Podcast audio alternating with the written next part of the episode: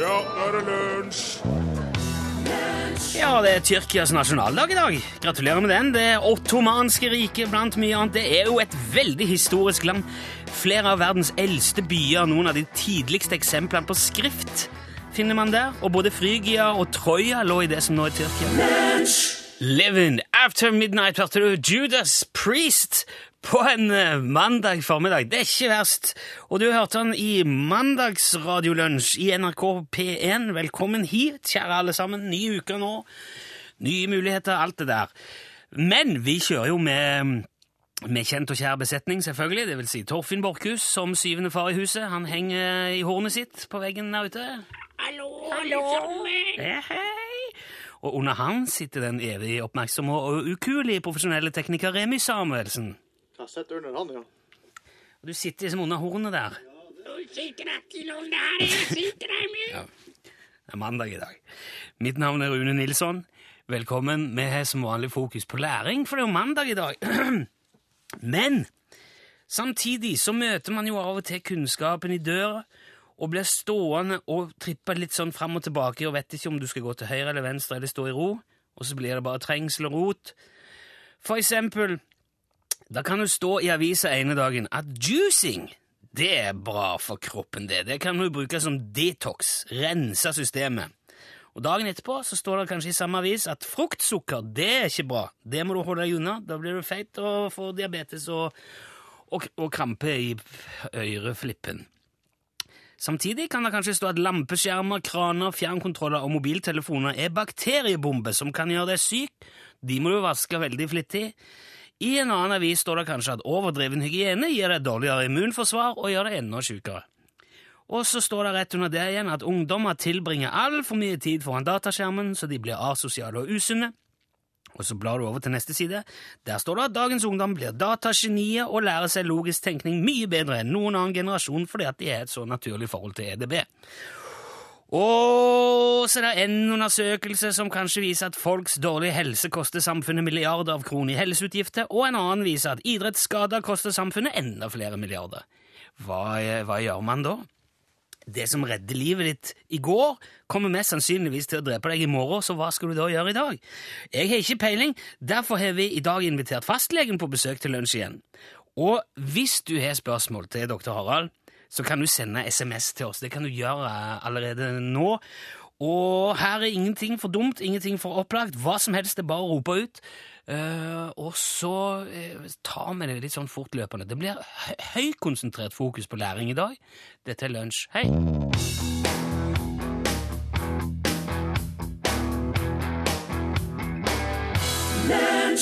Der fikk du uh, Tønes sine betraktninger rundt litt av den tematikken vi snakker om i dag. Dette her var det skitne.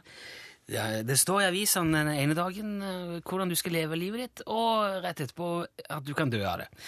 Og det er jo, det er jo litt sånn bakteppe da for dagens uh, tematikk. Vi har invitert tilbake vår venn doktor Harald. Velkommen, Harald. Tusen takk, Rune. Veldig hyggelig. Ja, uh, vi, vi, hadde jo en så fin uh, runde sist. ja, det jeg opplevde det også som veldig hyggelig. Og, og, og det, sånn, sånn, sett så har jeg invitert meg tilbake hit. Ja. Fordi det er litt sånn stusslig der nede på legekontoret mitt å sitte der i lunsjen. Vi sitter jo mye alene, vi fastleger. Så det var jeg trodde det var kø døgnet rundt. Folk bare Jo, men litt lunsj må vi ha. Ja. Altså lunsj hos oss også er jo lunsjen for, på en måte assosiert med en liten pause, da. Ja. Men det er bare én liten ting eh, som jeg syns er litt rart.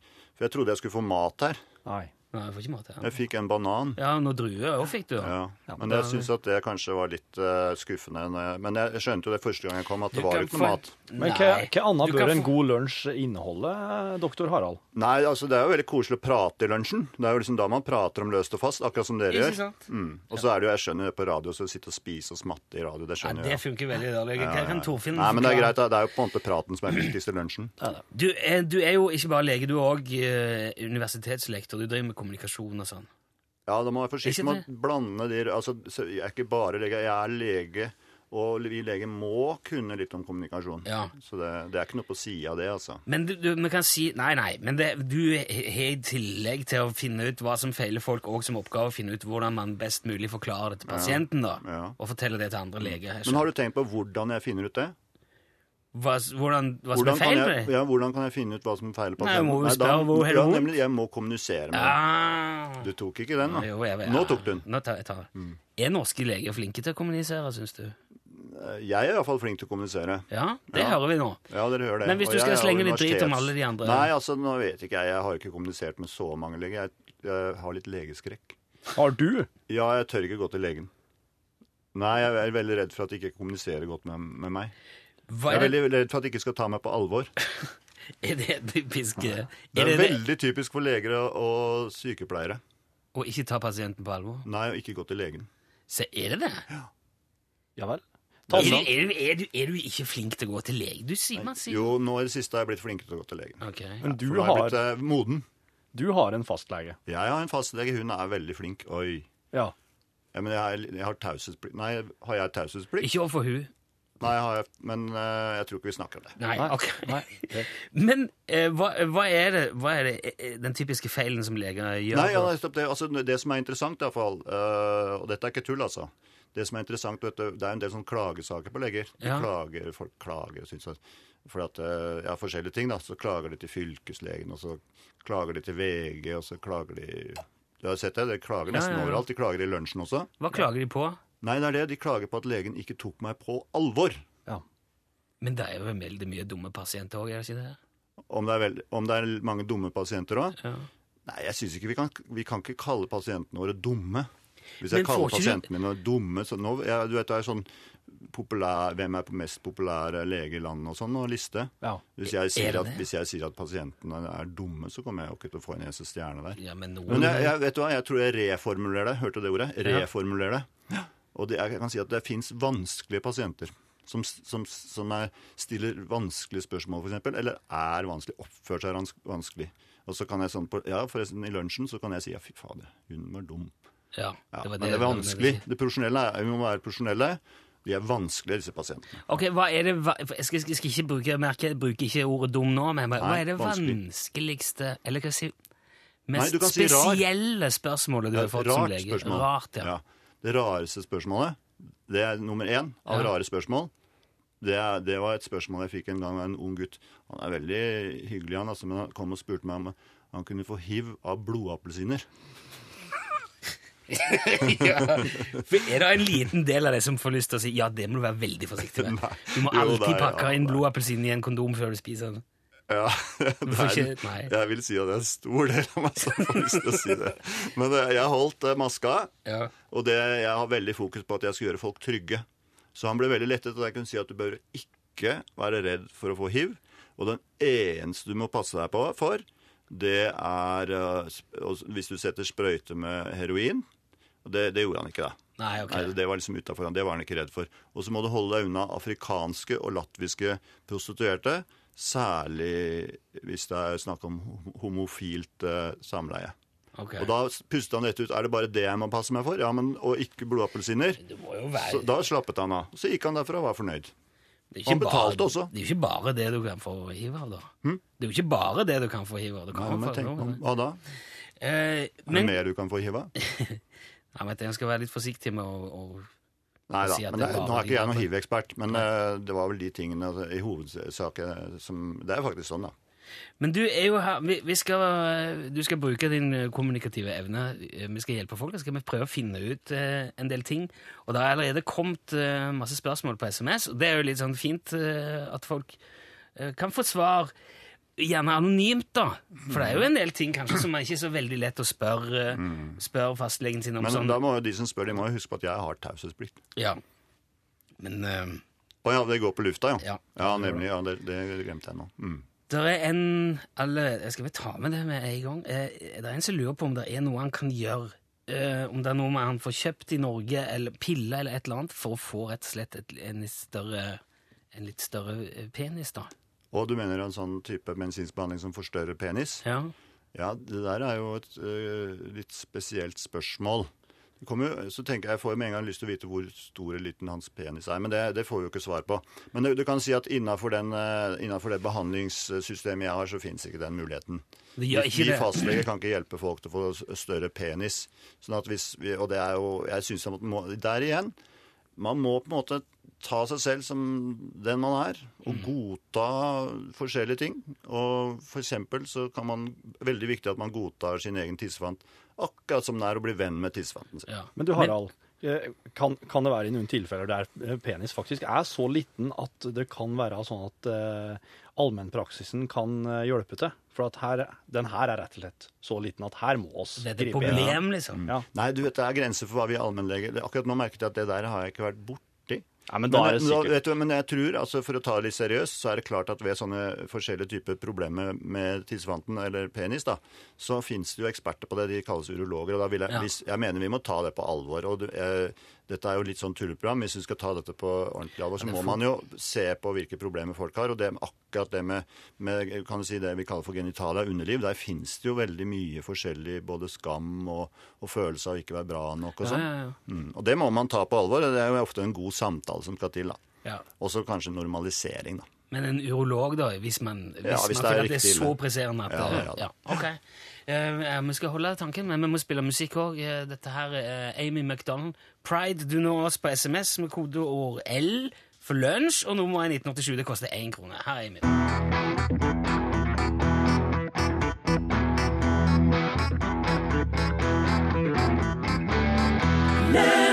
Amy McDonald, hørte du. Pride!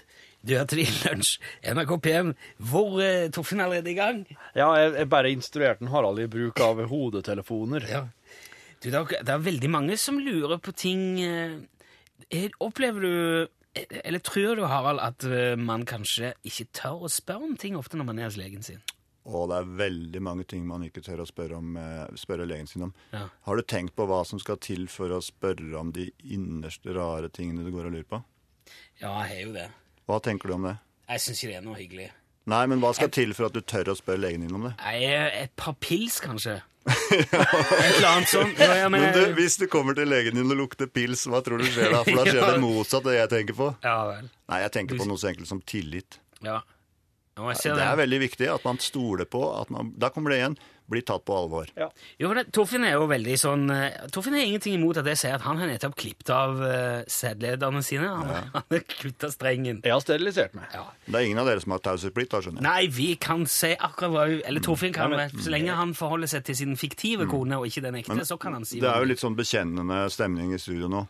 Ja. Kan jeg bare få si noen ting? Ja. Jeg har også klippet sædlederne. ja, det er, Høy, ja, du òg? Ja. Jo, men jeg For jeg har, har fire unger. Unnskyld. jeg har tenkt en del på det At det kunne vært greit, for jeg skal ikke ha noen flere barn. Mm. Men jeg, jeg må si at det, det å slenge fram liksom eh, tasker der og ha Mm. Ja. folk som driver og plukker ned jeg- jeg- Det er noe med det som jeg syns er litt eh, Mm. Jeg gleder Ja. Men tror du fastlegen din hører på lunsj, da? Det tror jeg, jeg, velger, jeg håper jo at han jobber veldig hardt og Mm. ikke har tid til det. Nei, nemlig. Men bare gå og spør fastlegen du. For det der er, en fastlege tar jo det på strak arm. Himmel og Det er bare du som har et problem med det der. Ja, det, det, Kom igjen. Det var det jeg var redd. Kom igjen. Kom igjen. Nå kommer det kommer til å bli sånn steriliseringspress på jobben. Nei neste, Vi lar det ligge. Neste gang jeg kommer, så skal jeg spørre om du har vært i fastlegen, Rune. Ja, ok. Det er ikke lenge siden jeg var der, men da var det noe annet. I alle fall. Eh, der, er, eh, der er en som skriver inn en melding. Han lurer på hvordan man løser problemet med alle disse dyrene i sengetøyet. For det fører til at han ikke puster så greit. Og det sies at det er fordi disse dyrene bæsjer, og at det er det som fører til dårlig pust. Og da regner jeg med han tenker kanskje på sånn midd og Eller de der Å, ja. som bor i sengetøyet. Ja, riktig. Jeg tenkte på bikkja mi, for han er veldig lydig. Så kan jeg bare si 'gå ned', sier jeg. Ja. Og ikke bæsj i sengen min. Og hvis det var bikkje som lå over ansiktet på denne Ja. karen, så hadde jeg jo sikkert eh, tenkt at eh, den går det an å flytte. Men jeg regner med at det er, at det er de der krypene. Ja, riktig. Jeg vet også om sånne kryp, og det er veldig mange som ikke liker å snakke om sånt, for de de vil jo helst ikke vite om sånt. Ja. Men han vet jo om det, da. ja. Og eh, hva var, det sto, var han redd Nei, for at det, kan, at det fører til at det ikke er så At det puster dårlig. Å, ja. ja, det Kan, det, kan det være noe i det? Nei, det er noen som har sånn allergi for sånn midd. Det er det. Ah, ja. Men det går an å faktisk sjekke ut, da. Så det er, men det er ganske få. Det er mange flere som er redd for å ha allergi mot midd, enn det er folk som har allergi for midd. Men kan man eh, altså i teorien få pusteproblemer av eh, midd? Det eller spesielt, altså Pusteproblemer om natta, det må jo være, da må det jo være svær astma eller noe sånt. Og Husk på om natta så er det jo ikke mye pust du trenger. Sånn at det er litt rart at han skulle få pusteproblemer om natta. altså. Men da må han jo ha skikkelig astma, og da må det pipe godt i brystet på han alt mulig. Men nei, det der høres ut som man kanskje kunne snakka litt med fastlegen om. Men det er jo Ja, det, vet det med pusteproblemer, forresten. Ja. Så er jo også det at man kan oppleve pusteproblemer uten å ha egentlig pusteproblemer. Uten å ha lungeproblemer. Skjønner du? Å ja. Ja, det er det er litt sånn veldig sånn? Ja, altså, ja det kan, uten at det er noe sånn det er jo psykisk, da tenker folk at jeg er bare sånn nevrotisk, eller Men det er ganske vanlig at man eh, føler at man trenger å puste. Så, Ja. så hører ikke sånn Jeg måtte åpne vinduet og puste ut. og, Det er jo sånn litt ulogisk, for det er ikke så veldig mye mer oksygen i luften ute enn inne. Sånn. Så det der er en sånn følelse. Okay. Men det er helt, det er helt normalt, Ja. og du er ikke gæren. Kan man eh, fryse sengetøy og bli kvitt det? Ja, det tror jeg. Da må gjøre det ganske ofte. Da, tenker vi. Ja, det er noe med det. Altså. Først, vet du, først så må du sjekke grundig ut om du faktisk er allergisk, og hva det pusteproblemet består av. Og, man, og det er, en lege burde kunne hjelpe deg med det. Og så hvis en finner ut at det ikke er de der små dyrene, antagelig, så vil jeg anbefale at da får vi bare da får vi bare la det stå til, altså. For det er jo satser så mye dyr og kryp og bakterier og mye rart overalt. Dette er kanskje overskuddsinformasjon. Overskuddsinformasjon. Ble du litt svett Rune? Altså, ute av syne, ute av sinn, tenker jeg. jo. Ja, det er noe med det. Altså det og det er litt herlig også. Ja. Det er helt sånn mangfold. Det Biologisk mangfold heter det. Ja, Det verste er jo all den forskninga, for eh, jo mer man vet, jo sykere blir man jo, og jo farligere er det jo å leve. Ja, forskningen i seg selv, Rune, er grei nok. Men forskning sammen med folk i media, det, det er ikke bra. Ja, jeg følte meg plutselig litt truffet. Vi går videre. eh, på et litt, litt mer lystigere og kanskje mer sånn pragmatisk eh, eh, hjørne, da, så lurer Roar på For Roar jobber systematisk med å bli nachspiel-konge. Han har bytta ut tuboen med trekkspill. Mm. Han har i det hele tatt tatt en del grep. Dette har vi full tro av lenge. Okay. Uh, han lurer på om det er noe han, du kan anbefale at han spiser før festen for å tåle alkohol bedre. Er det sant at det hjelper å drikke melk før man legger seg? og sånne ting? Ok, altså nå må dere, Jeg er jo 50 år. Ja. Og Sist jeg var på nachspiel, det var jo da på 80-tallet. Oi. Sånn at Da må dere forklare meg, dere som er litt yngre, hva er en nachspiel-konge? For det, det har jeg glemt. Jeg vil jo tro det er han som er sitter oppe lengst. Oh, ja. Sistemann ut. Sitter oppe lengst, ja. Sitter og røyker, drikker, skråler, Spiller trekkspill. spiller trekkspill. ja, riktig. Jeg tror jeg skal gi han et dårlig svar. Altså Man garantert blir misfor, for- vis, misfornøyd med. Ja, okay. Sånn rent helsemessig så, så tror jeg ikke målsettingen om å bli nachspielkonge tror jeg rett og slett ikke er sunt. Ok. Det er mitt eh, medisinske svar. Sånn at denne nachspiel, wannabe nachspielkongen Han får ta en sjanse. Enten så vil han bli som konge, da koster det helse. Eller så får han gå og legge seg klokka to og, da, og ta gjerne et glass melk. Helt fint. Og da kan han eh, gjøre noe artig dagen etter. Ja, ok. Da kan han bli søndagsturkongen. ja. Det er et eller annet som sier meg at ikke det er Roar har mest lyst. Det er også noe som sier meg at han blir fedre på det svaret der. Ja, jeg tror det. Men sånn, er det noe annet mat du kan ete før du legger deg, for å ikke få så forferdelig dagen derpå? Igjen, altså, kan dere ikke bare droppe de to siste drinkene, gutter? Er det det som er er, det, greia? er det så vanskelig? Ja, det er veldig vanskelig. vanskelig, men det er jo kjedelig, da. Det er veldig Det er jo kjedelig. litt kjedeligere, gjerne. Ikke kjedelig, altså. Dagen etter er kjedelig. Ja. Dessuten har dere ikke lagt merke til at det er morsomt de tre, tre første Hør nå her. Ja. Jeg, det, er, det er forresten eh, litt sånn ekspert i rusmedisin, jeg visste dere? Er du Nei. det? Nei, jeg er med i en sånn gruppe som driver med en, Skal vi høre? Referansegruppe for rusmedisin i Allmennlegeforeningen. Å, det betyr at du sitter og drikker, og så ser du hvordan det var? ja, vi må jo prøve ut litt. Ja. Ja, vi har fine møter hvor vi tester litt grenser og sånn, men uh, vanligvis så drikker vi mest vann, altså. På møtene våre. Det er bare én gang i året, forresten. Ok. Mm. Men det, det, bare for å si det, så er det jo det er jo litt vanskelig å snakke om det her med rus, for at det er jo liksom sånn Ja, ikke ta fra oss rusen, for da Det er jo så artig. Ja. Men hvis Det tror jeg dere vil kjenne dere igjen i, at det er artig liksom, etter de første fire glassa, så er det artig. Men etter det så er det egentlig Det blir litt mindre artig. Det er liksom på litt stigende rus, og hvis du kan stoppe den der sammen med de andre, så er det artigst. Er det ikke det? Eller er, jeg, er pekefingermedisin fra Det doktor Sundby? men det er kanskje der det er vanskeligst òg. Mm. Vet du, hva, vi må spille litt mer uh, musikk. Men nå vet vi òg at du er ekspert på eh, rus. Det har jeg lyst til å komme litt tilbake til. Still spørsmål om rus, folkens. Først Steve Miller Band.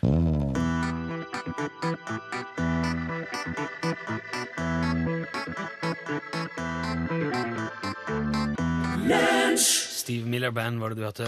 The Joker. Du har lunsj. NRK P1 med besøk av dr. Harald i dag, og vi snakker om alle mulige ting som en eh, lege kan og vet. Det har jo vært veldig mye snakk om doping i det siste, Harald. Syklister spesielt, iblant. Og, og tidligere i lunsj har vi snakket om muligheten for rett og slett å åpne sykkelsporten for en såkalt gruppe B, på linje med det de har i rally. Eller kanskje en gruppe D, en gruppe dop.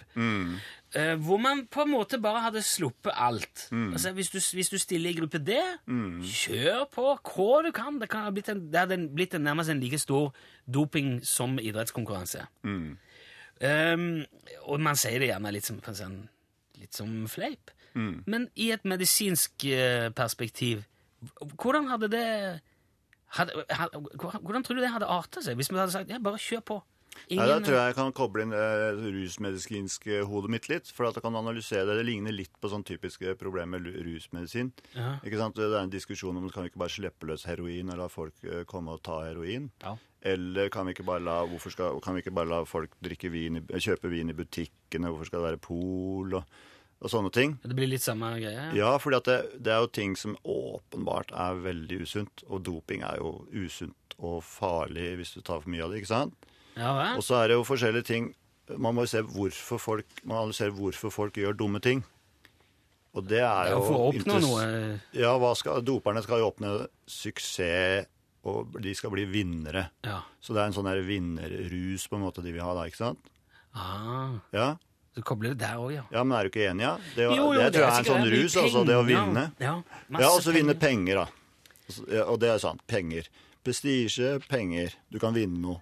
Men hadde vi fått altså, La oss si at det bare rent hypotetisk at man hadde gjort det, sluppet løs. Mm. Hadde man da fått sånne supermennesker som som jeg nevnte her i en sending, som brølte seg opp de franske alpene i 70 km i timen og, og ble supermennesker? Eller hadde de daua som fluer oppover der? Og, Det er litt utafor det jeg vet så mye om, men jeg tror at, eh, jeg tror at eh, totalresultatet har blitt veldig usunt. Så da måtte du holde deg med en sånn doplege, da. Det, det, da kan du iallfall ikke gå til fastlegen. Nei, Og det er vel det, noe for å passe på at, ikke du, at det ikke blir helt galt. og. Det, men det, det, ikke sant? det blir jo helt absurd. Og det er jo, det er, men hvis du lager den der gruppe D, og passer på at de altså Hvis du ikke hyper dem, da, og tenker på at du, hvis gruppe D får sånn status for D for dum Og da hvis du vinner den klassen, så er det den dummeste. Ja. Da tror jeg at, eh, at det blir ikke så attraktivt. Nei. Og det er jo i virkeligheten så er det jo sånn, ikke sant. Alle syns jo at, eh, at eh, Lance, da Vi syns jo at han ikke akkurat er dum, men sleip, da. Ja. Du kan ha en sånn gruppe òg. Gruppe S for sleipinger. Ja. tenker, Hvis de hadde sluppet det løs, så hadde du liksom Da hadde du visst det. Ja, han vant, og han kom først, men han er jo, do, han er jo dopa. Ja, han er dum. Ja, han er dum. Ja, og da vil jo på en måte det er ingen som Ja, bevisst ikke Da må det være men- klin. Altså, da er det jo sånn at hvis du, hvis du går hardt inn i klasse D for å, for å bli dummest i verden, så er du jo også gæren. Ok, ja, men da lar vi da Med eller uten dop. Ja. Det der er jo noen som eh, spør er det noe man kan gjøre for å bli kvitt vepseallergi. Ja, riktig. Ja, men det er jo litt seriøst, faktisk. Ja. Vepseallergi er utrolig hemmende for folk. Det kommer litt altså folk som har, Man kan få sånn vi kaller det for straksallergi. Man, det er noe som heter allergisk sjokk. da. Ikke for å skremme han som skrev inn, da. Nei. Men det, det har jo vært borti noen ganger, at folk eh, reagerer så innmari, og de kan jo bli ganske dårlige. Så det er et problem, altså. Men er det Det er man kan kom, ja, det er kommet litt sånn nye metoder, eh, men jeg er ikke helt oppdatert på det der. Så det kunne man hadde, La oss si at han hadde kommet på mitt kontor, da. Så hadde jeg sagt at unnskyld meg, det der det høres jo ille ut. Og så Det er viktig å vite hva det egentlig betyr for pasienten. da. Men det, altså, veps er jo hele sommeren. Kan jo, I verste fall så tør den ikke å gå ut engang. Ja. Men det, altså, jeg, jeg veit om folk som kan svare på det, for det er liksom på lungeavdelinga og, og sånne allergieksperter. da. Men det andre er at det finnes sånne akuttsprøyter som man kan ha med. Ja. Sånn adrenalinsprøyter, det er ganske ålreit, for da går det bra. Ja. Så okay. har, med, har med det, og veit at du blir dårlig, setter en sprøyte adrenalin, så går det bra. Ja. Og så til du får hjelp, da. Det er jo fint. Og det er, det er ikke, det er ikke en slik stor, tjukk sprøyte som du må sette langt inn sjøl. Det er som en sånn liten penn som du Det er bare Kjempeenkelt. Ja, ja, det kan du ja. også lære pasient på kontoret. Altså. I, Ja, ikke eh, noe problem. I Inn i Pulp huden. Må de sette den midt i hjertet. Hvor? I hjertet. De må slå den gjennom brystbeina inn i hjertet. I Hvem er det som gjør det sånn? i I filmen, Pulp Fiction. filmen Pulp Fiction. Og Men- Pulp Fiction, ja, Ja. ja. det er jo da på film, det, da. Det er film. Ja. Og så er det Tarantino, så det er liksom ikke bare film heller, vet du. Eh, jeg vil ta med en, en ting til, for det er en del som er veldig sånne gjennomtenkte bra spørsmål. Og så er det ei her som har et eh, problem som hun lurer på. Dette må du er en fin anledning. Plages desperat med tørre, sprukne fingre. Og blir smårar, smårar snart. Smører inn og plaster på natta, men det hjelper ingenting. Dagen etterpå så sprekker det på gang igjen. Hva, hva skal vi gjøre med det? Hui og. Det første jeg vil spørre, er eh, hvis igjen den pasienten kom Det er også veldig plagsomt, da. Fingrene bruker vi hele tiden. Så hvis den pasienten kom til meg, så ville jeg tenkt med en gang liksom, hva har du gjort med det før? Og hvis det er helt på scratch, så kunne jeg nok tilby en eller annen sånn salve, sånn kortisonsalve og sånn, og da kan, kan det være bra. ikke det òg steroider? Jo, det er sant, det er steroider, ja. Ja. Husk på det er lokale steroider, okay. brukt i behandlingssammenheng, kontrollert av fastlegen. Ja. Det er noe helt annet. Ordentlig. Men hva, hva kan for det, det Apropos det, altså, det der kortisongreiene. Mm. Det virker jo som superstoffet overalt. Smør på litt kortison hvor som helst, Mm. så er det Ja. Vet du at vi lager kortison selv, vet du det?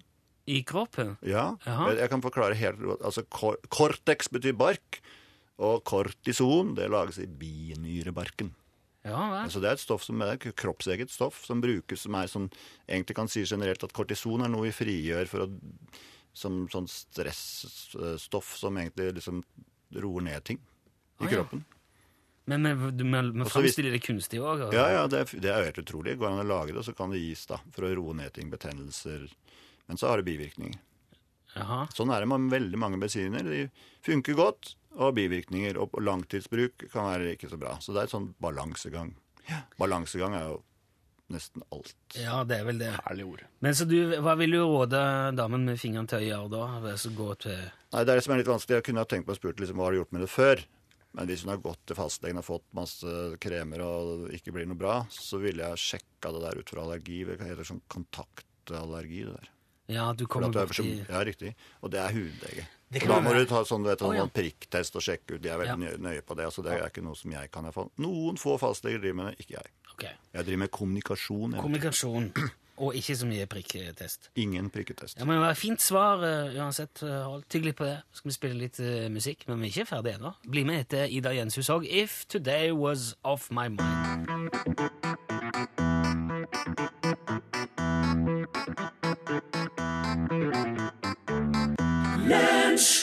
Fikk du Ida Jensis. eh, If Today Was Off My Mind. Uh, vi, tida flyr i godt selskap, eh, må jeg si, altså, Harald. Ja, det, det er mitt inntrykk. Når du er lege, så tida flyr. Vet du hvor ofte jeg dropper lunsjpausen bare fordi at jeg er forsinka? Ja. Ja, det det er iallfall fire ganger i uka. Ja, det er det, ja. ja tida flyr. Må ikke hoppe over lunsjen. Nei, det er det, men det er jo så mye rart man må svare på, vet du. Det har kommet to tips da til, til damen med sprukne fingre, bare mens vi prater. Snikkerdama mener at spenefett er løsningen. Det høres litt sånn kjerringrådaktig ut. Hva er spenefett, eh, bonde Borchhus? Det er slik du har på spenene på kua for at hun ikke skal bli sår i mjølkinga. Ja, ok, rett og slett en slags... Det er på å ha på spenene, ja. Men du, var det ikke noe som het Spenol? Jo. Er det spenefett? Nei, du kan ikke, jeg skal ikke blande dem to. Det, spenfettet er mye blankere og feitere. Spenol Ja, okay, er på ei sånn tube. Ja. Har jeg sett nedi sånn bytte, liksom, som du bare griper hånda nedi. Mora, moras sin sårsalve er veldig god mot sprukne fingre, er det en annen som skriver. Har på plaster etter å ha smurt på. Eh, men så er, så er det en annen melding her som jeg syns vi skal ta med, Harald. Lurer på noe som jeg ikke tør å spørre fastlegen om. Eh, vedkommende er 65 år gammel. Vært sjuk siste måneden pga. mye ma- mage- og tarmsmerter. Og tror kanskje det gjelder mange som ikke tør å spørre. Eh, Ja, riktig. Lurer At de liksom ikke på- tør å spørre fastlegen om hvorfor de har vondt i magen. ja. Ja, Det var jo litt spesielt, da. Eh, da det første som jeg tenker på, er liksom, hallo, kanskje du må bytte fastlege. Er et eller annet pro- har han et kommunikasjonsproblem? Men, du vet hva, jeg tror kanskje like gjerne at eh, denne damen var 65 år. ja Kanskje hun rett og slett er litt redd for dette og lurer på hvorfor hun har vondt i magen. Og kanskje hun er så redd for at det kan være noe alvorlig at hun rett og slett nesten ikke tør å gå til legen. Vet du hva det heter? Patients delay, heter det. Ok, Man er rett og slett så redd for hva legen skal si at man ikke at man utsetter å spørre? Ja, riktig. Det er et fenomen vi ser ganske ofte. altså Folk Ja. kan komme med ganske alvorlige ting, og så kan man lure på inni seg liksom, hvorfor i all verden kom du ikke litt før med dette her? ikke sant? Mm. Patients delay. Men av og til så går det jo over òg. Eller Ja. veldig ofte, vil jeg kanskje si, så, så gir lenge- det seg jo. Men hun har gått et halvt år, da må hun Nei, kanskje det var, det var ikke det. Det var siste måneden. Ja, ok, en måned, ja. ok. Men nei, nei men altså, man kan alltid Altså, det kommer Dette er, det er litt sånn uh, viktig. Altså, man kan godt vente og se på ting. Og se om det går over. Mange ting går over. Men jeg er litt opptatt av at hvis du først begynner å bekymre deg for det Ja. om du, Og det er jo folk Ja, ja. forskjellige. Du kan begynne å bekymre deg etter to timer, eller du bekymrer deg etter fire uker. Du husker jeg nevnte de, de folka oppe i Tydalen i forrige sending? Ja. De, som var, de er veldig tålmodige. Ja. Og andre folk, mest byfolk, de kommer jo samme ettermiddag. Ja. Men det er greit nok, syns jeg. Altså, hvis folk er bekymra, så må vi snakke om den bekymringa. For bekymring er et kjempestort helseproblem i Norge. Altså. Og vet du hvorfor? Ja, ja. Vet du hvorfor? Det, er, det tror jeg er avisen som pisker opp enorm bekymring, blant annet. Da. ja.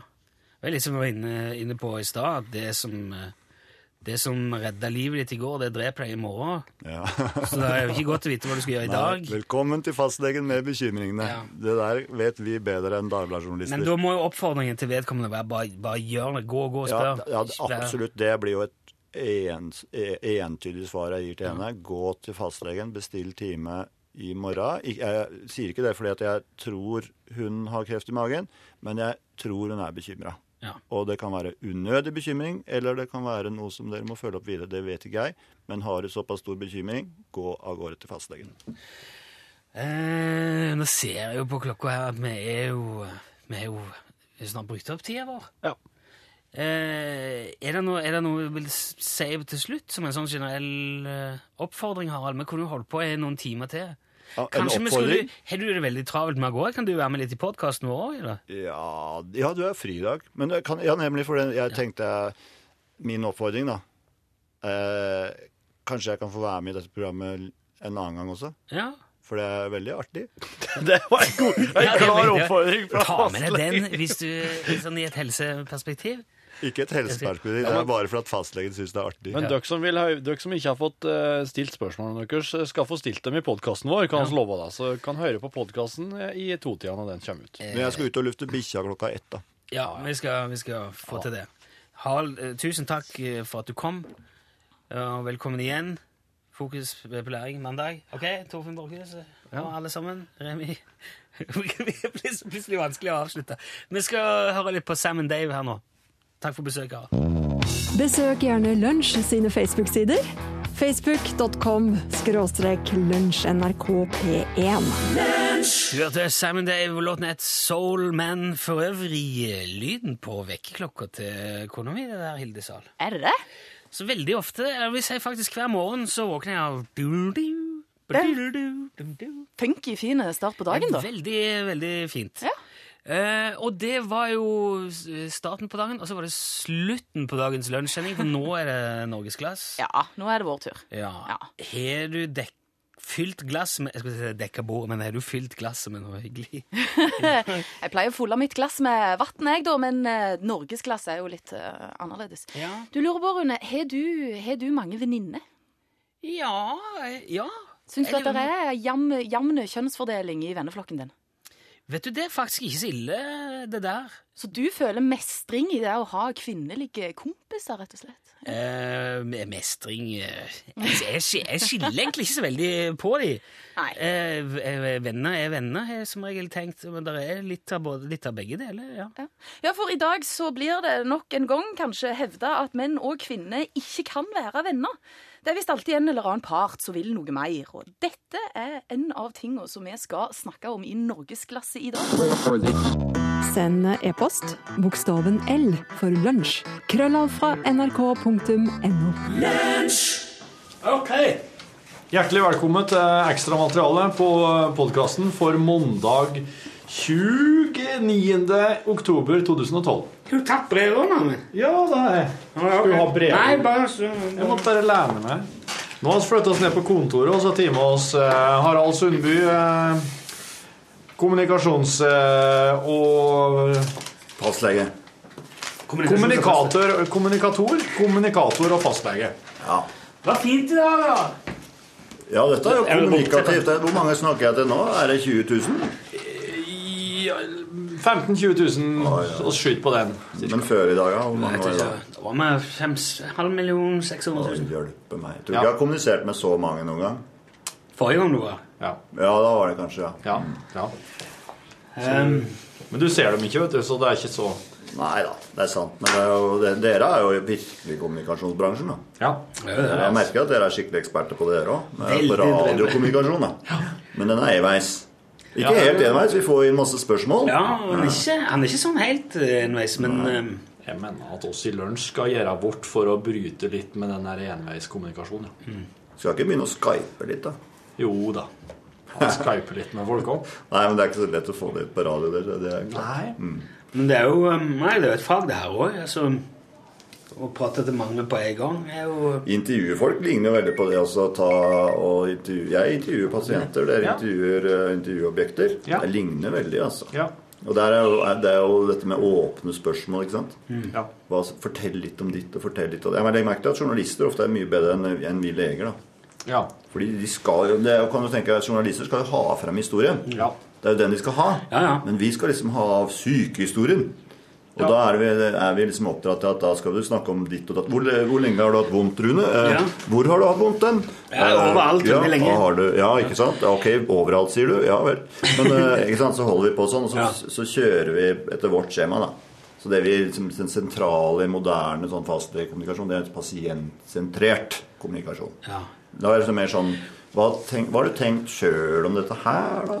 Kan du fortelle litt mer om bekymringene dine? Skjønner du? Det var et typisk Harald Sundby-spørsmål. Nei, det er ikke det. det, skal bli det. Nå skal dette bli et typisk fastlegespørsmål. Skal det? Ja, det funker så bra, vet du. Ja, ja. Det er vist forskningsmessig og det gir pasienten mye større trygghet at de kan få fortelle. Ja. Det er ett tips vet du, som illustrerer det veldig godt, som jeg pleier å si til studentene, som viser seg Når pasienten kommer inn til legen, så er det noen som har vist at fast, eh, en middels lege avbryter pasienten etter 18, gjennomsnittlig 18 sekunder. okay. Å, shit, det er fort. Og så Et sånt triks det er, som jeg sier til deg, som funker så bra Ta imot pasienten, ønsk han velkommen. Fortell, sier du, og så holder du kjeft i minst to minutter. Ja. Og da har du oversikten. Og da har allerede pasienten merket Jøss, jeg får fortelle! Og så er det på gang. Det merker jeg veldig fort. Eh, Jeg ga broren min eh, jeg var en oppgave. Han var på reise nettopp i Thailand. Og så skulle han ta opp noe fra en fyr som jeg gjerne ville ha. Jeg ville ha noe, at han prater litt. Skulle jeg bruke det til noe. Han i Thailand? Ja. Oh, ja. Som er en, eh, en venn av min bror, og som jeg jo kjenner, men som ja, jeg skulle, jeg skulle bruke det til noe. Det er, det er egentlig det samme. Så jeg ga, sendte med han en opptaker, og så sa jeg bare få Jeg vil gjerne bare ha han prate litt om plassen og hvordan han ser på det. Mm, Og for oss som gjør det der ganske jevnlig, så er det vel Vi er ikke redde for pauser i det hele tatt. Nei. Vi stiller gjerne spørsmål. Kan ikke si litt om hvordan det er her? Ja. Men hva sa du nå? Du er ikke redd for pauser i radioen? Nei, nei, nei. Jeg er ikke det. det hvis, I det sekundet jeg får panikk og begynner å hoppe på Altså, Det er jo forskjellig bruk. da. Vårt program er ikke sånn Vi skal jo ikke langt ned i Nei. sjelen til folk. Nei. og Jo. ja. Det er der jeg liker meg best. Du vil langt ned i sjelen. Ja, jeg vil det. I et Men jeg tror det- tulleformat. Men jeg tror det er, det er kanskje det er folk ofte Og sikkert leger de er litt for redde for pausene. Ja, det, Det er jo det da det folk faktisk. tenker, og så kommer de på. Altså Hvis du da får fred og ro til Rune, du er ansatt på universitetet. Ja. Kommunikasjon, What the fuck, er det sant? Det hadde blitt en uh, interessant dag i helvete. Pauser, pauser er et virkemiddel. Ja, det er det. Hold kjeft. Pausen som virkemiddel ved Rune Nilsson. Ja, men jeg tenkte det du sa på radio, kan jeg tenke meg liksom at uh, dette her er jo tross alt altså, et rom hvor vi sitter, jeg og legen og Nei, hvem var jeg? Sa jeg jeg og legen? Du er legen Ja, og ja, ja, nå er jeg hos fastlegen. Er Ja. altså Nei, jeg og pasienten, da. Og så kan jeg eh, på en måte ta en pause, og så kan jeg bare se interessert ut og sånn. Det, det fasiliterer jo samtale. Men på radioen kan du liksom Hallo, har radioen Er er strømmen gått, eller Ja. er det liksom meg ute av tune, beklager teknisk feil, liksom? Ja. Men så er det Det bare Rune som på- kommuniserer. Ja. Det jo litt stilig, da. Det kommer veldig an på hva som blir sagt rett før pausen òg. På radio. Ehm, hvis det eksempel rett før pausen sa Gikk du skikkelig i kjelleren etter det? Ja, hva tenkte du på? Ja, Da kan pausen være ganske kraftig. ja. For da må du tenke på når du var i kjelleren, og hvordan du skal beskrive den turen i kjelleren best mulig. Nå så jeg veldig for meg kjellertrapp og lyspære og Ja. poteter sånn som var stabla. Men du, vi lovte jo Det er noen spørsmål vi må ta med. Som, det kom veldig mange spørsmål i dag. Du vet, Jeg fikk en mail fra søstera mi, OK. men det er ikke noe spørsmål. Hun er doktor, hun òg, skjønner du. Ja. Det var veldig koselig. Hele Sundby-slekta er vel dok- doktorer, ser jeg for meg. Ikke hele. Jeg har en bror? Du, Ikke tull, jeg har en bror som er psykolog. Sier du det, ja? Ikke kom her og si at vi er leger hele gjengen. Eh, bra lunsj, skrev hun. Ja. Og hun har, hun har liksom sansen. Det var veldig hyggelig for meg. da at Hun er, jeg, hun er lege, og så tenkte jeg jeg er litt redd for at folk skal sitte her bare sier mye tull. da ja. Nei, du var, ikke ikke, det var ikke mye tull i dag, syns jeg. Nei, Jeg tror jeg bare passer. passe. Mm. Du, Ja, kan, kan vi så ta noen sånne For det Nå har jeg lovt at eh, vi skulle ta noen av de spørsmålene som vi ikke rakk Ja. eh, på radioen, for det kommer veldig mye. Ja, Er det heldig å onanere mye, er et spørsmål som går. Ja, det er et typisk spørsmål, det der med onani. ikke sant? For det, det er jo ikke så innmari lenge siden at det var sett på som altså Hvis du onanerte, så kom det rett og slett til helvete. Ja. og så fikk du det- hår i, i neven, gjorde ikke det? alt mulig. altså det er, jo, det er jo veldig spesielt. altså Sånn rent medisinsk sett at du liksom skal eh, bare, Vi har jo seksualdrift, folkens, og det er jo noe med at onanere det, Jeg tror det er forska på det. Alle onanerer.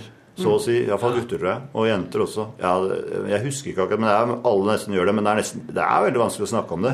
Nå i kjølvannet av steriliseringa mi så skal jo jeg ha 20 utløsninger om dagen. Og Om det er dagen? Ganske, det er ganske det er tett på, men Da jeg tror kan jeg- Dagen! Nei, det, det tror jeg du har misforstått. Hvordan, han var ikke helt god på kommunikasjon. Han var russer, han du sa. Ja, russisk eller kirurg. det, Det det er kanskje bare vanlig prøver å se at han er ferdig med det der 20, i hvert fall. Ja. Poenget er vel at du, før de tør å si at du kan ha fri sex uten at det blir barn av det, Torfinn, Ja. så må du ha 20 utløsninger. Ja. Men om du bruker et halvt år på det, tror jeg er helt greit. Altså. Ja. Du bør ikke ta det på én dag. Vet du. Det kommer an på hvor mye du syns du haster. vet du. Ja. Ja. Nei, jeg benytter hver anledning til å onanere. Det kjenner jeg bare ja, det er ikke noe Det er ikke noe Det er jo sannsynligvis veldig sunt. Det er skammen rundt det som er usunn. Ja. Og det, det er sånn, så er det litt sånn noen som altså Man må jo på en måte akseptere at det er litt sånn, sånn litt, Er det tabu, eller er det liksom det er, Alt det seksuelle er behefta med litt sånn spesielle ting, altså. Men er det ikke bare litt sånn den derre Den derre Hva faen heter det da? Er det ikke den der kjertelen som ligger inni her, som bare trenger lett, lett å bli eh, letta litt på trykk på?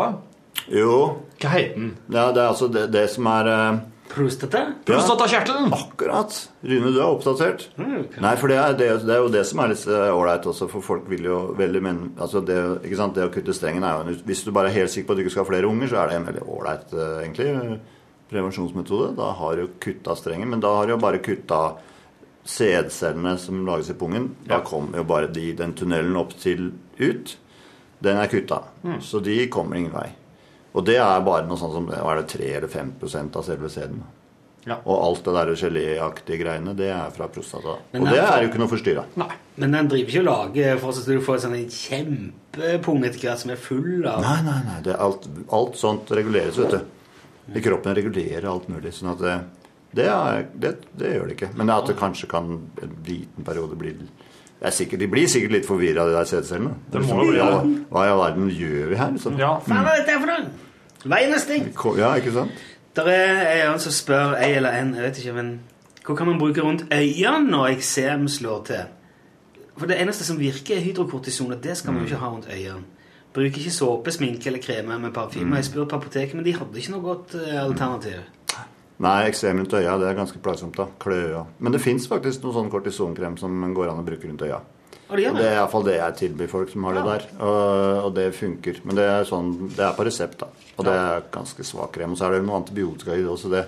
Bare gå til fastlegen! Ja, det er, Altså, det, det må du til fastlegen for å få. For den Det er akkurat og vanlig hydrokortison. Den mildeste er egentlig ikke så farlig på øyelokka, den heller. Men jeg ville tenkt at eh, hvorfor ikke ta den spesialøysalven som du kan få hos fastlegen? Eh, Min mann hadde tre hjerteinfarkt i fjor, står det her. Fikk satt inn fire stent i årene. Er det sånn, eh, en sånn tunnel, liksom? Ja, det er sånn åpning av tunnelen. Det er helt utrolig. altså Du bare putter inn en sånn Det er litt trange, litt sånn trange, rød, eh, trange årer, blodårer. Og så først så bare gå inn og blåser opp en ballong, så liksom får de årene bare noen øy. Det er sånn rørleggerarbeid, ikke sant? Wow. Bruker ikke Plumbo, altså. Det gjør du ikke. Nei. Og så, når du har blåst dem opp litt, så putter du inn et sånt, kan du tenke deg et sånt met, lite metallrør, altså. Som er, ja, jeg tror det, hvis ikke det er kommet noe nytt, da. Ja. I min tid så var det metall. Jeg er litt på grensen, vet du, jeg er ikke akkurat på operasjonssalen så mye, men prinsipper er, er der.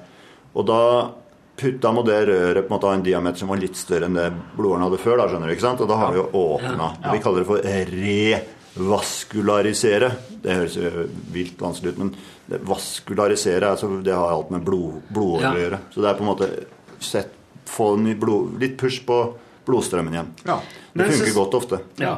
Han øh, skriver, skriver damen som er sendt inn Altså Mannen da, han tror det er bare sunt å drikke alkohol, og det står ingen advarsel på medisinen hans heller. Men så er fruen uenig, da. Ja, ja.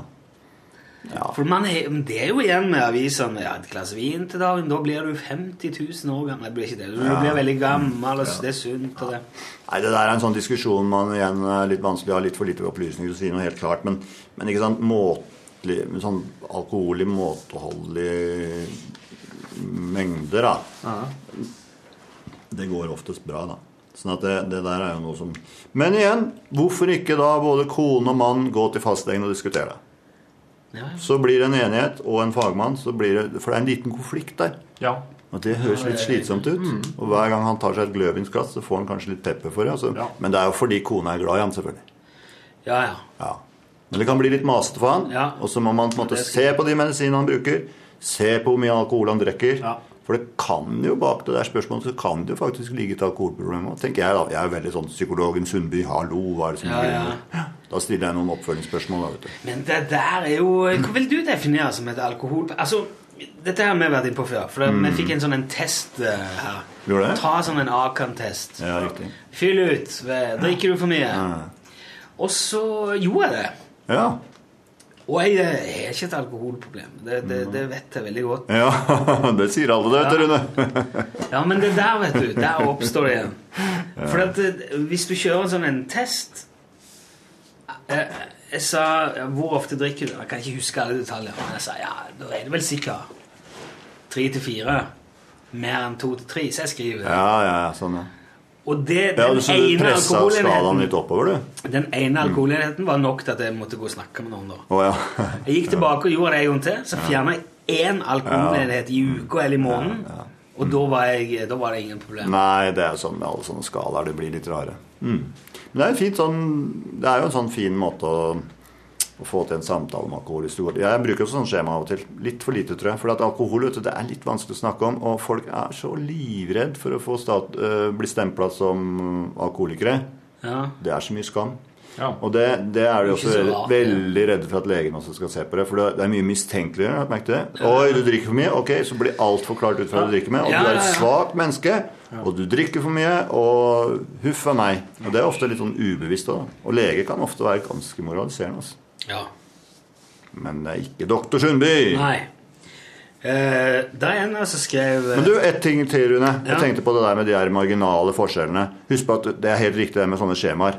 Men du må, du må se grovt på det, vet du. Så at du, du se, Da ligger du sånn litt i grenseland på det skjemaet. Ok, no big problem. Men så plutselig så får du folk som ligger mye høyere enn det de trodde.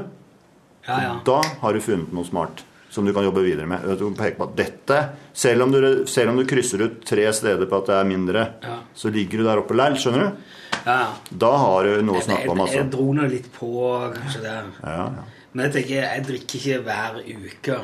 Men de, de, hvis jeg drikker, så kanskje jeg skal være jeg, da er det vel kanskje sånn, da. Og Ja, det er sant. du- til- Det er jo ikke det samme, men det er ofte sånn Men det kommer ikke måned. fram på det skjemaet at det kan gå en måned til neste gang. Og da Nei, er det sånn, det er mange ting med sånne skjemaer. Det gjelder alle sånne skjemaer. Man skal score ut hvor deppa du er, så skal du svare på masse spørsmål, og så veit du at det forandrer seg i denne uka. Altså. Så det er bare veldig grovt. Den gode samtale, den er uovertruffen. Ja. Det er en ting vi må samtale litt om. For altså det, det er En melding kommer her. Går ikke til legen mer. Svaret ligger i en selv. Legestanden må tenke nytt. Og så står det litt lenger nede en annen melding. Ehm, det er en annen lytter, eh, kan jeg se. Kan legen hjelpe mer enn en homeopat med L-allergi eller fibromyalgi?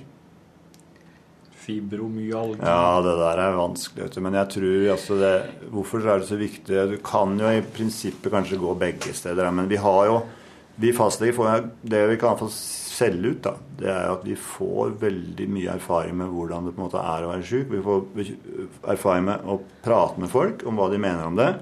Og når det gjelder elallergi og fibromyalgi, så er det sånne sykdommer som vi på skolemedisin vi veit ikke helt for det første om det eksisterer. Det er jo- det, er det som Gro Harlem Brundtland er på ja, hun påstår at hun har det. Og det er, jo, det er jo, jeg vet at de som kjenner henne, hun er ram på å merke at det står på en mobiltelefon i rommet. ikke sant? 'Hallo, noen har ikke skrudd av mobilen!' 'Kom igjen, hvem er det?' Og så 'Å, det er meg!' Oh, ja, sånn, ja. Uten at hun veit det. Og for å kjenne mobilstråling på kroppen. Ja, jeg tror nok at det er noen som har det, men det er ganske omdiskutert og vanskelig å finne ut av foreløpig. Men Men du er lurte på fibromyalgi? Ja, ikke sant? Hva er det for noe? Fibromyalgi, det er det verste er at det er litt på vei ut nå. Oh. Ja, for det er sånn Det er, blir et fenomen det er at det er litt sånne motediagnoser. men At det er diagnoser som er eh, veldig populære en stund. Sånn whiplash, Ja. ja. fibromyalgi og nå for tida er det kronisk utmattelsessyndrom. ja. Og de er jo, dette er jo tilstander som eksisterer. Fatigue. Ja, fatigue. Mm, det er det Det er fatigue, da. Det er sånn utmattelse. Er det ja? Ja, det betyr tretthet. Men hva er fibromyalgi? På fransk er det Men hva er det som fatigue. skjer når du har fibromyalgi? Nei, altså hva som skjer, er at du har mye vondt. Oh. Åh, Ja, det smerter? ja i muskler. Smerter i muskel-skjelettapparatet. Men på en litt Altså det som skiller det fra ja, andre altså gangsperr. Ja, at du er støl etter at du har gått, eller Det som skiller, er at det er ofte litt diffust. Og smerte er ganske mange steder og litt vanskelig å forklare. Og så er det sånn at vi dessverre ikke foreløpig finner akkurat hva årsaken er. Så det, men det betyr sannsynligvis at årsaken er litt sånn sammensatt. Ja. Men mitt, min erfaring da vet jeg at jeg, jeg liksom fornemmer at det er noen del fibromyalgipasienter som blir litt grann irritert, kanskje. Men jeg, min erfaring er at for det første er det oftest kvinner som får det. Og oftest er det kvinner som er ganske sånn eh, ytekvinner. Som er og dekker opp overalt og er i alle hjørner og gir mye omsorg. Og, Ah, ja. Ja. ja. Skjønner du? Og kanskje har de jobb i tillegg. Og så verst er at de også får dårlig samvittighet for at de ikke greier nok. Ja. Skjønner du? Ja. Og stressliv. ja. Pl ja, og pluss Jeg har lagt merke til, jeg lurer på om det er, er det også noe som utløser det kanskje litt. Som har med stress å gjøre, det er at de kanskje også aldri får noe ordentlig anerkjennelse for det. Skjønner du? Det er sånne, litt sånn som å stå bak der og ofre. Litt sånn kvinnerolleting òg. Men det, det der er veldig, jeg er sikker på at noen fibromyalgi-pasienter ville begynne å diskutere med meg. Men, og det er så mange ting. Men hva folk har du det på når- forskjellige måter. Ja, Men hva tenker du når vi spør homopat og akupunktur og sånn?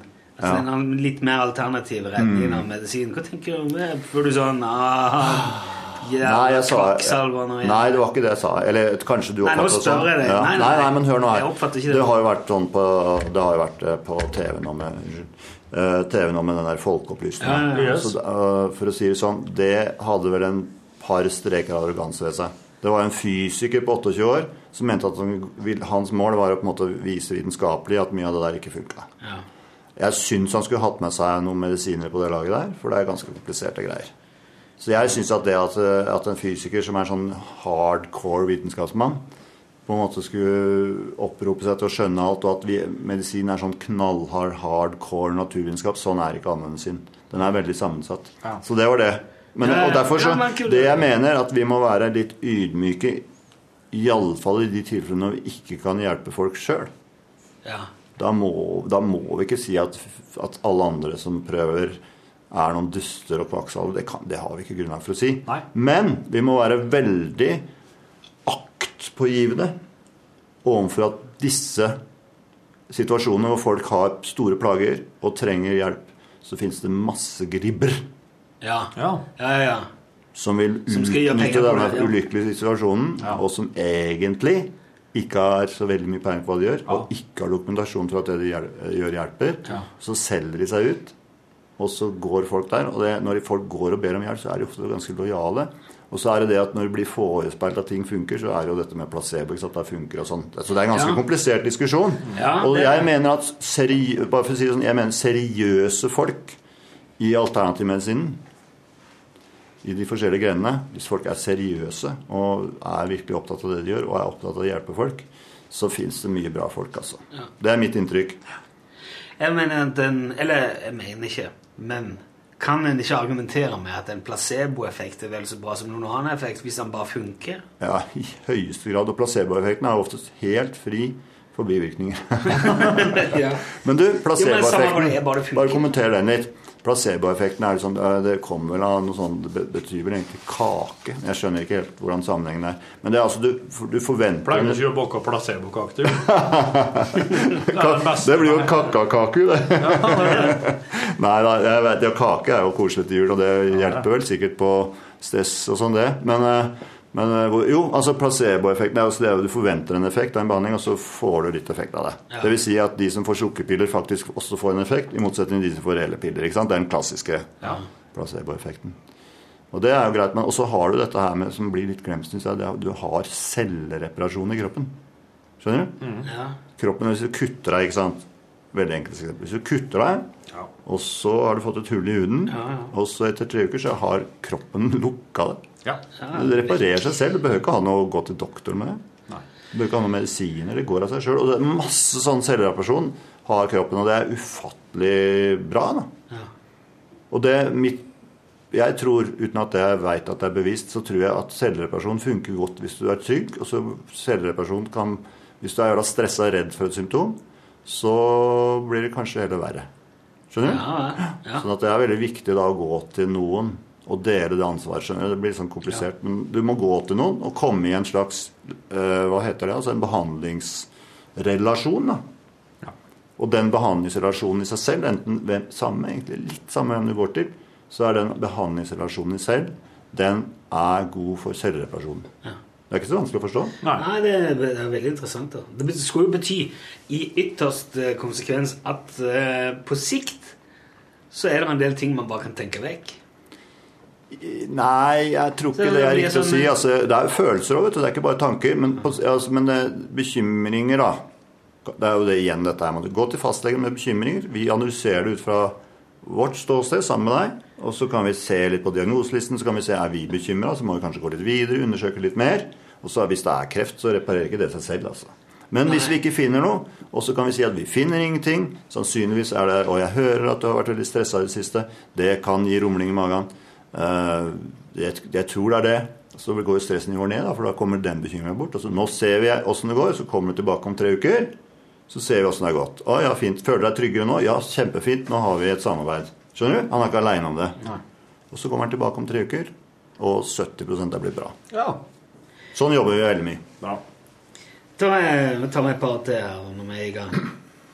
En kar på 37 han er det siste hatt kjempesmerter i sida over hofta mot ryggpartiet. Det er kun vondt når han strekker seg til sidene. Ja, Strekk deg rett fram, da. Det der kan ikke jeg svare på på radioen. Jeg, har ikke, altså, jeg mener, det der må jeg, jeg må se pasienten. Altså. Okay. Jeg har ikke kjangs til å si noe klokt om det der. Gå til fastlegen. Den beste, da, som er veldig plaga med kvalme om morgenen ja. Og hun s- skriver altså 'besta', og Da regner jeg med at eh, en graviditet kanskje er utelukka. Sa du Besta, ja? Ja. ja? For det var det første jeg tenkte på. da. Mm. Har du godt råd mot kvalme? hvis Det det pleier å bli ganske bra til kvelden, skriver hun. Gå til fastlegen.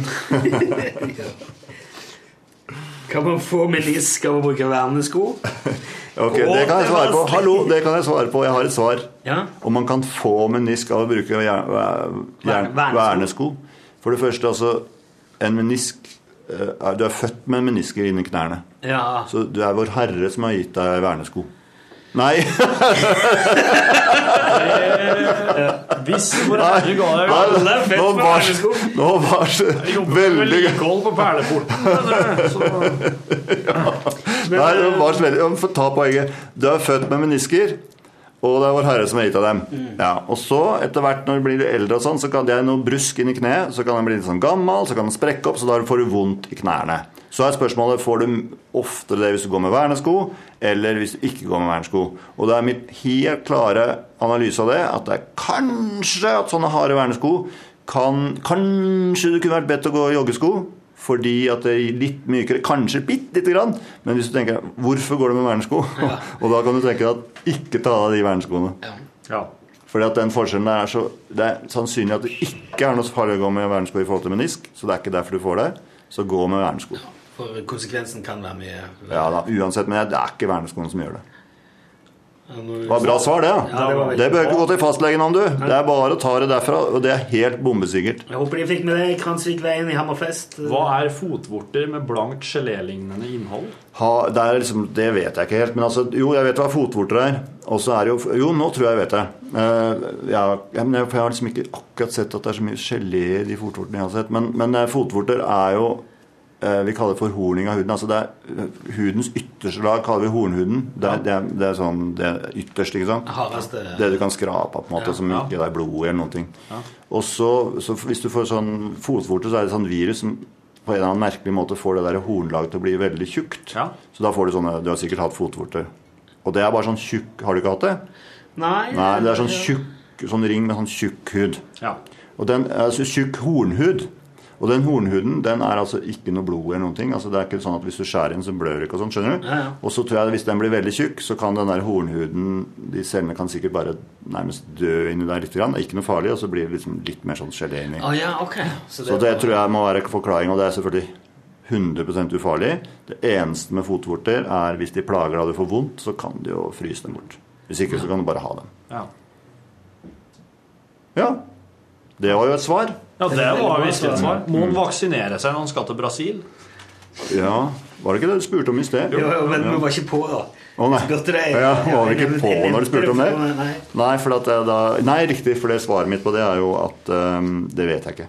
Men uh, der har vi et godt råd. Uh, ring til vaksinasjonskontoret i din kommune. Og hvis det ikke er noen i din kommune for den er så liten, så ring til vaksinasjonskontoret i en større kommune. Det er ikke så vanskelig å finne ut, faktisk. Nei, du kan sikkert google det på no time. Altså, de er de som har oversikt, og de, sitter, de vet ikke alt det, men det finnes jo sånne internasjonale oversikter. Det er jo 100, og- hvor mange er det? 190 land i verden. Ja. Og det, der, det, er, det er mitt svar på det til alle som spør om sånt. Heller en for mye enn en for lite. Nei, jeg sier ikke det. Å. Jeg sier at det der vet jeg ikke. Spør vaksinasjonen. Å, ja, ja, sånn, ja. Ja. Ja, nå, leste jeg noe annet, og så tilbake til bare et svar. Nei, det er jo ofte veldig greit. Nei, for jeg sier ikke det. det for det blir sånn tøvesvar. så jeg, heller jeg har ikke peiling på vaksinasjoner, hvor du trenger det. Nei. Og det der er det folk som har tenkt grundig gjennom laget anbefalinger, og det er det folk som kan svare på.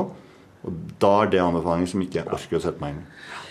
Du, Den eneste som jeg merker om nå, det som er igjen, som ikke er enten bare tøys, eller som jeg har vært innom, eller er Men kan vi ikke ta et tøysespørsmål nå snart? Jeg trodde det var et tulleprogram, dette her. Ja. Jo da, jo da. Du sa at tar du en sa jo mm, Det ene beinet har sovet siden i natt, og det sover ennå. Hva kan det være? mm, Nei, du, ja, du må på en måte vekke det. Det er tungt, tungt det er, Sover tungt, det beinet. der. Ja. Ja, Var det oppe lenge i går?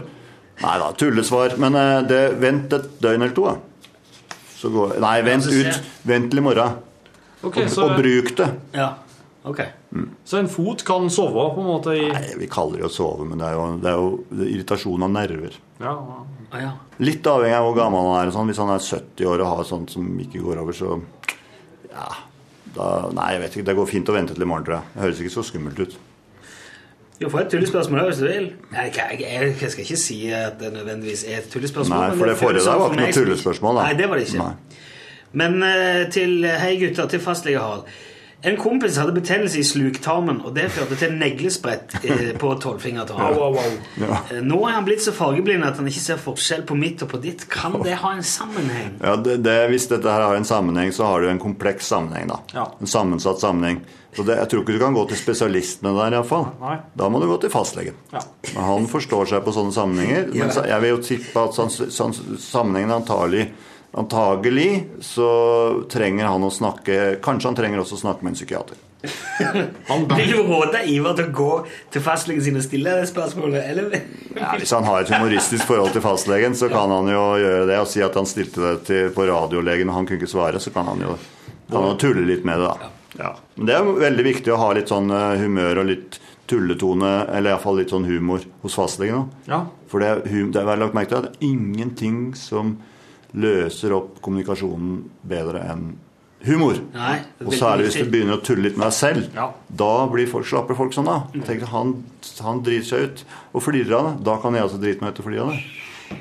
Eh, Stig Arne lurer på Hvis du har ei brødskive med fiskekaker på, og i andre hånda har du ei brødskive med ost og salami, hvorfor ei av dem er sunnest å ete til lunsj? Hvem har sagt at den ene er sunnere enn den andre?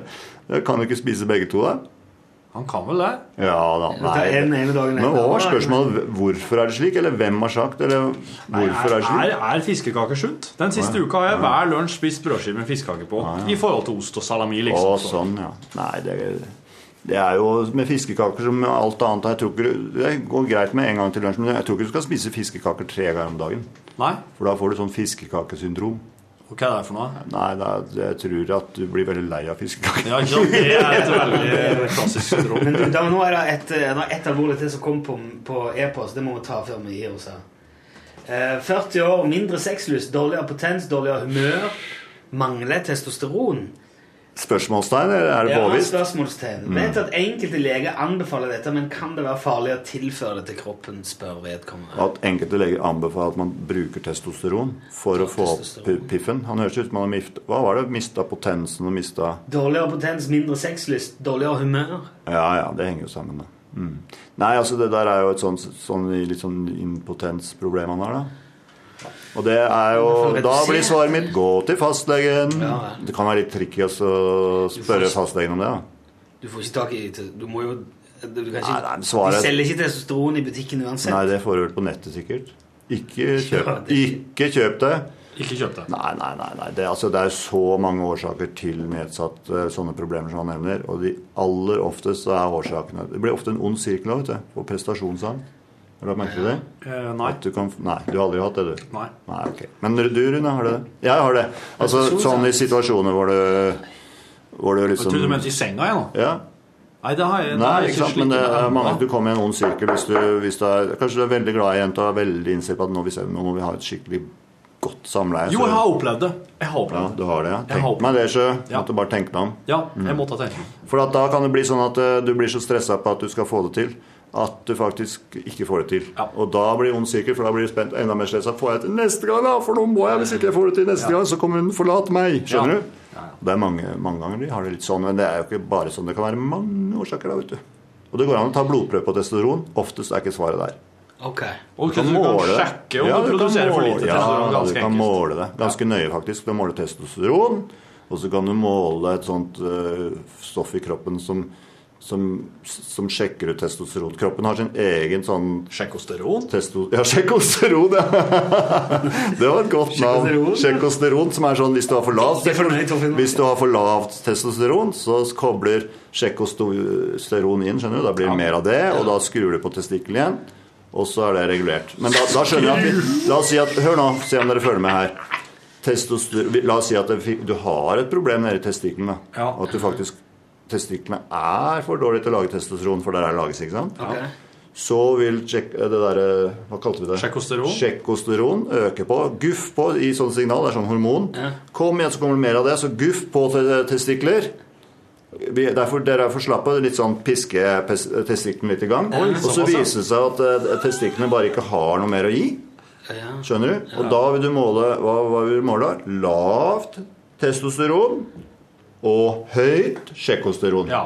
ja. Skjønte du den? Da skjønner du at det er for Det er, hø, det er høy etterspørsel, men for lav, Lav produksjon. lav produksjon. Nemlig. Merker Markedet, det. ja, markedet tilbyr etterspørsel. Og motsatt så har du det der sjekosteronet. Det ligger oppi hypofysen. Og du kan ha svulstyr på fysen, mm. Så da får du ikke noe Ja, det blir for vanskelig. Nå ble du med. Nå vet jeg ikke.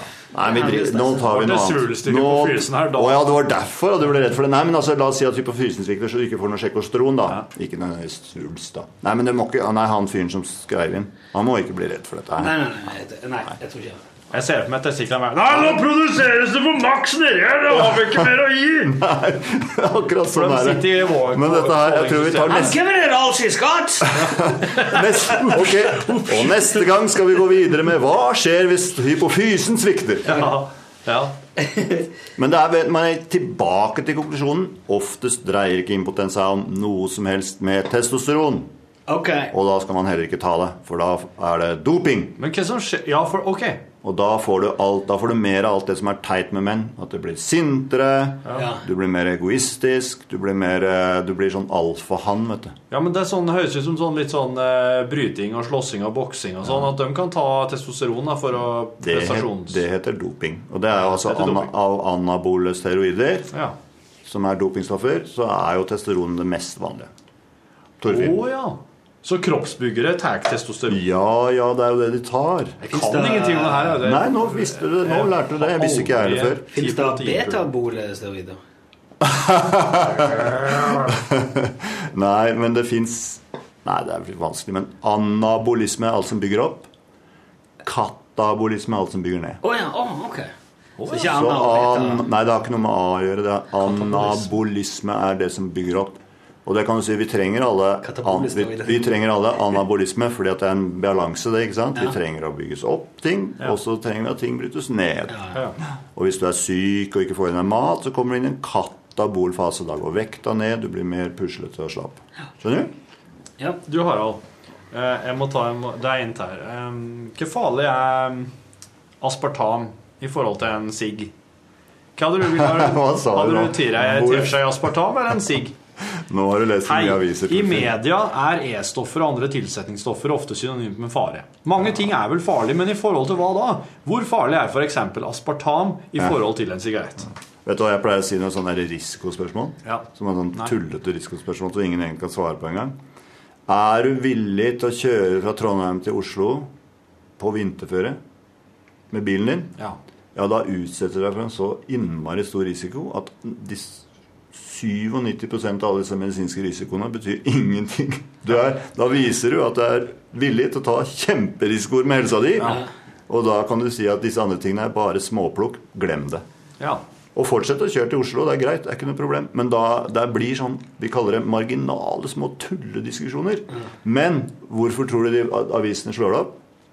Ja, for det, folk kjøper avis, for de blir livredde når de ser at det Ja, står det er det. Det bruker de så kynisk. Torfinn Å, ja. er- Torfinn har hørt noen diskutere aspartam, så nå er han uh, vettaskremt for Pepsi Max. For Ja, ja. Torfinn, du har litt lett for å bekymre deg, har jeg lagt merke til. Du snakka om at du gikk og kjente på at det ene beinet var blitt lengre enn det andre. Ja, jeg tror, jeg tror det ene foten min er lenger enn den andre. For jeg har Men hvor har du den ideen fra? Du er jo en gammel mann. som sa det. Det var mor din som Ja, Mor det er så typisk. Det er ikke du som er bekymra, det er mor din som Ja. er bekymra. Ja, og så, og så begynner jeg å tenke på det. Ikke sant? Ja, kanskje jeg har det. Ja, men du, du, må, du, altså, du må gjøre opp med mora di, Torfinn. Ja. Ja. Du Ja, må rett og slett ikke Du må, du, er, du må kutte navlestrenga. Ja, det har jeg. Ja, jeg har det. Jeg har det. Nei, tulla, Ja, det- Det er, det er så vanlig at vi får bekymringer fra andre som er bekymra. Ja. Og det er selvfølgelig fordi moren din er glad i deg. Ja. ja, det skjønner jeg. Men da vi kan på en måte si altså, For jeg ble litt nysgjerrig på deg. Hva var det mora di sa om det? Altså, hun hadde den ene, ene foten hennes var lengre enn den andre. Og så hadde hun da, dermed så hadde hun litt sånn Litt sånn lett for å få litt vondt i ene ja, bak bei, rett over rumpeballen i ryggen. Ja. Og så har jeg det litt på samme vis. Og så, og så går oss helt likt. Ja. Jeg, hun går akkurat likedan. Ja. Derfor så sier hun du har sånn som meg. Ja, men går dette utover hverdagen din, Torfinn? Eh, jeg vil ikke si det, annet enn at i perioder så kan jeg få litt vondt i ryggen, Ja, men, men da må jeg være flink. Det, ja, flink? Hvordan da flink? Og, og, og tøye ut og strekke Ja, og ja, men da gjør du det som skal til. Også pluss at det virker som du påvirker deg litt på den måten at du går og tenker og bekymrer deg litt for det. Ja, Lite grann, da. Litt, kanskje. Ja, og det må du slutte med, for det er bortkasta. Det er mye annet å bekymre seg for i verden. Akkurat nå er jeg litt øm i pungen, så nå er ryggen, helt blank. Så det tenker jeg Alt det der går over, Torfinn. Og eh, det er ikke, sannsynligvis ikke sånn at du har vondt i ryggen pga. litt beinlengdeforskjell. Nei. For vondt i ryggen er så vanlig at alle har det av og til. Ja. Det var et godt svar. Ja, Nå godt svar. slapp du unna å gå til fastlegen. Nå skal du gå og lufte hunden din. Ja, Hva slags hund har du? Border collie. Å, herregud. Gjeterhund. Det er artig. Hun er. Ja. Det er litt artig. Det er bare å kaste en pinne. Altså, er, så er Ja, det er det som er litt Men det, det går jo for å være verdens mest intelligente hund. Ja. Og den er ganske intelligent i forhold til at den kan hente, den henter skoene mine når jeg skal ut og løpe. Ja. Og sånne ting. Ja, det? Ja, For da kan han være med og springe. ikke ja, han skjønner det med en gang. Hvis jeg bare tenker på at jeg skal ut på tur, så går han og henter skoene mine. Og der er han var. Men hvis du gir den en ball eller en pinne, Ja. Da er det akkurat som jeg tenker at du kan ikke være verdens mest intelligente hund. Du, nå har hjernestammen tatt over, og det er, du tror at dette er en sau, og du Ja. tror at du skal samle på den. Og det er dette jeg er født til, og så kan han holde på i fire timer. Og det jeg blir litt sliten av det. Jeg har vokst opp med border collier. Jeg har altså hatt tre stykker opp gjennom min oppvekst, så jeg veit alt om uh, disse her. er, hadde, hadde, hadde dere sauer og sånn? Ja. Mm. Men den siste nå, han har ikke hjulpet på så mye med sau. Han er helt crazy etter kongler. Ja, Det verste er at de blir crazy etter biler. Det er jo farlig. Men, men du hadde gjeterhunder i praksis, du, da? Så. Ja. For det er, det er jo fantastisk å se dem gjete. da. Ja, det er helt det er, Men jeg har prøvd, jeg har prøvd da, for jeg, vi har jo ikke sauer, men jeg har prøvd å lære han opp til å få sønnen min i seng klokka ti. Ok, okay. Men det, det funker ikke. Nei. Nei, For at, da vil han heller leke med pinner. Ja. Ja. Sånn er det. Veldig hyggelig, gutter. Jo, jeg håper dere, håper dere inviterer meg tilbake, for jeg elsker å prate som dere har merket. Ja, fint dette. Ja, stopp nå, Torfinn Ja, Bakkes. har oss noen visdomsord jeg er på veien? Gå til fastlegen! Det må bli dagens ja. visdomsord. Gå til fastlegen. Pass på at han er god til å holde kjeft. Torfinn. Harald Sundby. Jeg stopper nå.